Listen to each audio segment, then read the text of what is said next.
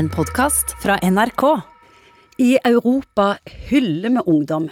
Vi gjør nesten hva som helst for å se yngre ut. Trening, kosthold, Botox og alt som er. Og våre ledere er forholdsvis unge. I Østen derimot respekteres de eldre på en annen måte. Og i USA så må folk ha viktige jobber helt til de er 80 og 90 år. Og Egon Hagen, hvordan er vårt syn på eldre i Norge og store deler av Vesten?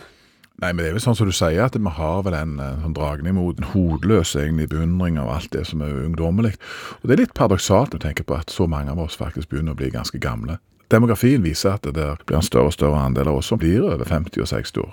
Hvordan har vi blitt sånn at vi hyller ungdom? Nei, Det der er sikkert grad sammensatt. Det ene er jo selvfølgelig at vi har et system som gjør at det faktisk er mulig å gå av med alderspensjon ganske tidlig. Det er folk som har hatt anledning til å gå av selv om de er friske og raske og springer maraton, så kan de gå av når de er 58 år. Så klart at Det er det ene, at det er faktisk muligheten. Det er det også er det også en endring at uh, vi kom dit hen at mange sier OK, vil jeg nå jobbe hele livet? Jeg ønsker på en måte å ha 10-15 år kanskje hvor jeg som kan gønne på å være frisk og rask og samtidig ikke jobbe. Så det er noen sånn mentalitetsdimensjon i dette òg. Ønsket om å, å prøve livet litt på utsida av, av arbeidslivet hos mange. Hva forteller det oss om våre verdier og vår kultur, at vi holder på sånn? Hvordan skal jeg svare på det, Ingvild? Altså I mange andre sammenhenger så er jo de eldre sett på som ivaretakerne av kunnskap.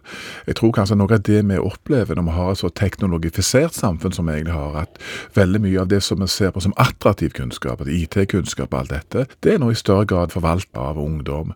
Og Veldig mange av disse sosiale plattformene som vi klamrer oss til alle, det er ikke 60- og 70-åringer som kommer på disse, det er ting som kommer nedenfra. Og det gjør nok at du får også et sånn et, eh, kan du si, et maktskifte, hvor det som oppleves som interessant kunnskap, i større grad kommer fra de yngre enn fra de eldre. Og I mange andre sammenhenger så vil du kanskje tenke at livskunnskap, erfaring, alt dette, det er noe som de eldre i større grad besitter. Og den kunnskapskapitalen går vi i stor grad glipp av. Vi ja. sparker folk ut når de er 67, ja, og, uansett hvor friske de er og eldrebølgen blomstrer. Ja, det kan du si, men det er jo noen som på en måte da Altså, Jeg tror det har med system å gjøre. Jeg tror muligheten for å gå av betyr ganske mye. Du på en måte har eh, en type person som f.eks. har lagt veldig mye av identiteten, selvbekreftelsen din, i det å være f.eks. tannlege eller journalist eller advokat, så klart at det å gi fra seg det og si at nå er jeg ikke det lenger Altså Det er jo sånn i Norge at når vi presenterer oss for hverandre, så er vi litt opptatt ja, hva er det du driver med? Jobben er på en måte en ganske sterk identitetsbærer for hvem vi er. Det er jo noen som jeg har snakket med som er pensjonister, som sier det at når du er pensjonist, så ja, ja, du er liksom ingenting. Det er ingen som spør deg liksom, hva, hva driver du med? For det er jo fordømt sikkert at det er greit mange pensjonister som driver veldig mange interessante ting. De sitter ikke bare og hekler grytekluter eller og holder på med barnebarna. De holder på med ganske mange kule ting, faktisk. Men gjør vi det rett? Vi er midt i eldrebølgen, og folk slutter å jobbe i en forholdsvis ung alder nå. Jeg tror at det er mange eldre som hvis de har muligheten til det, og arbeidsgiver eh, gir anledning til det, så kan bidra med langt ut i 60-åra, for å si det sånn. Du ser på hva forskningen sier for dette, så betyr det ganske mye at, arbeidsmiljøet er bra. Hvis det er et bra arbeidsmiljø, et læringsfokusert arbeidsmiljø, hvor du opplever at du kan fortsatt være igjen på en måte, Det er ikke noe tørkeloft her, men at du er med liksom på fullt og helt, og det er gode forutsetninger for læring, utvikling, og ting er mynta litt på hvordan skal disse seniorene òg får noen strekkoppgaver som passer de, så er det mange som vil si at hekken, jeg kan stå mye lenger i det enn det jeg trodde, faktisk. Arbeidsgiver, så har det litt betydning hvem du er. Er du sliten, og de fleste som går av, de går av pga. uføretrygd, de faktisk blir syke. Men hvis du kjenner at jeg har helsa til det, og her legges det til rette for det, så er det mange som kan dra det langt ned i bakken. Altså. Og det, det vil vi gjerne klappe for. Hva vil du fortelle en unge leder som skal lede en eldre? Jeg tror at mange eldre trenger å få utkvittere at de sitter på en viktig erfaring som den unge lederen trenger. Og vi vet jo at eh, i arbeidsmiljøer hvor det er en god miks både av personlighetstyper, av erfaringer, men også av alder, så vil de kunne stå ganske robuste. Det er noe med denne langsomme klokskapen som kan ligge i alle disse årene, alle disse årringene, som kan være enormt viktige for, for et spennende arbeidsmiljø.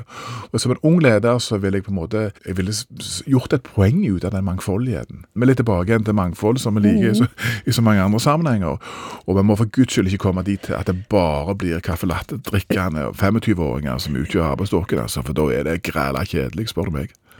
Har vi nok respekt for eldre i Norge? Ja, det, jeg, jeg, tror det, men dette er jo ganske komplisert. egentlig, for det, det, har jo noe med at vi, vi, har jo på en måte, Hvis du tenker på at eldre de bor hjemme i mange andre land og blir tatt vare på og alt dette og sånn. Men det, det, er jo denne dealen vi har. sant, At vi, vi har dette kontrakt med samfunnet som tar vare på ungene våre for de små, barnehage, SFO, skole, alt dette. Og så når de blir gamle, så har vi et offentlig system som på mange måter tar vare på de der òg. Så det er liksom, vi har rigga et samfunn hvor veldig mange av disse omsorgsoppgavene er, er liksom desentralisert, eller satt ut til samfunnet. Og det gjør jo at du har ikke den kanskje tette koblingen som, som du har i en del andre samfunn, hvor de eldre bor hjemme. Hva syns du hvis vi hadde fått en statsminister på 78 år? Jeg hadde syntes det var eh, kanskje litt uvant i en norsk kontekst, iallfall. Vi syns jo faktisk det er litt merkelig òg i en amerikansk kontekst. Men vi er jo for det, altså. Er du oppegående og har det du trenger for å levere for de jobben, så syns vi det er strålende. Og, og, selv om det er litt annerledes. Men eh, sånne gamle folk som meg, vi har jo bare godt å forholde seg til at ting er litt annerledes. Du har hørt en podkast fra NRK. Hør flere podkaster og din NRK-kanal i appen NRK Radio.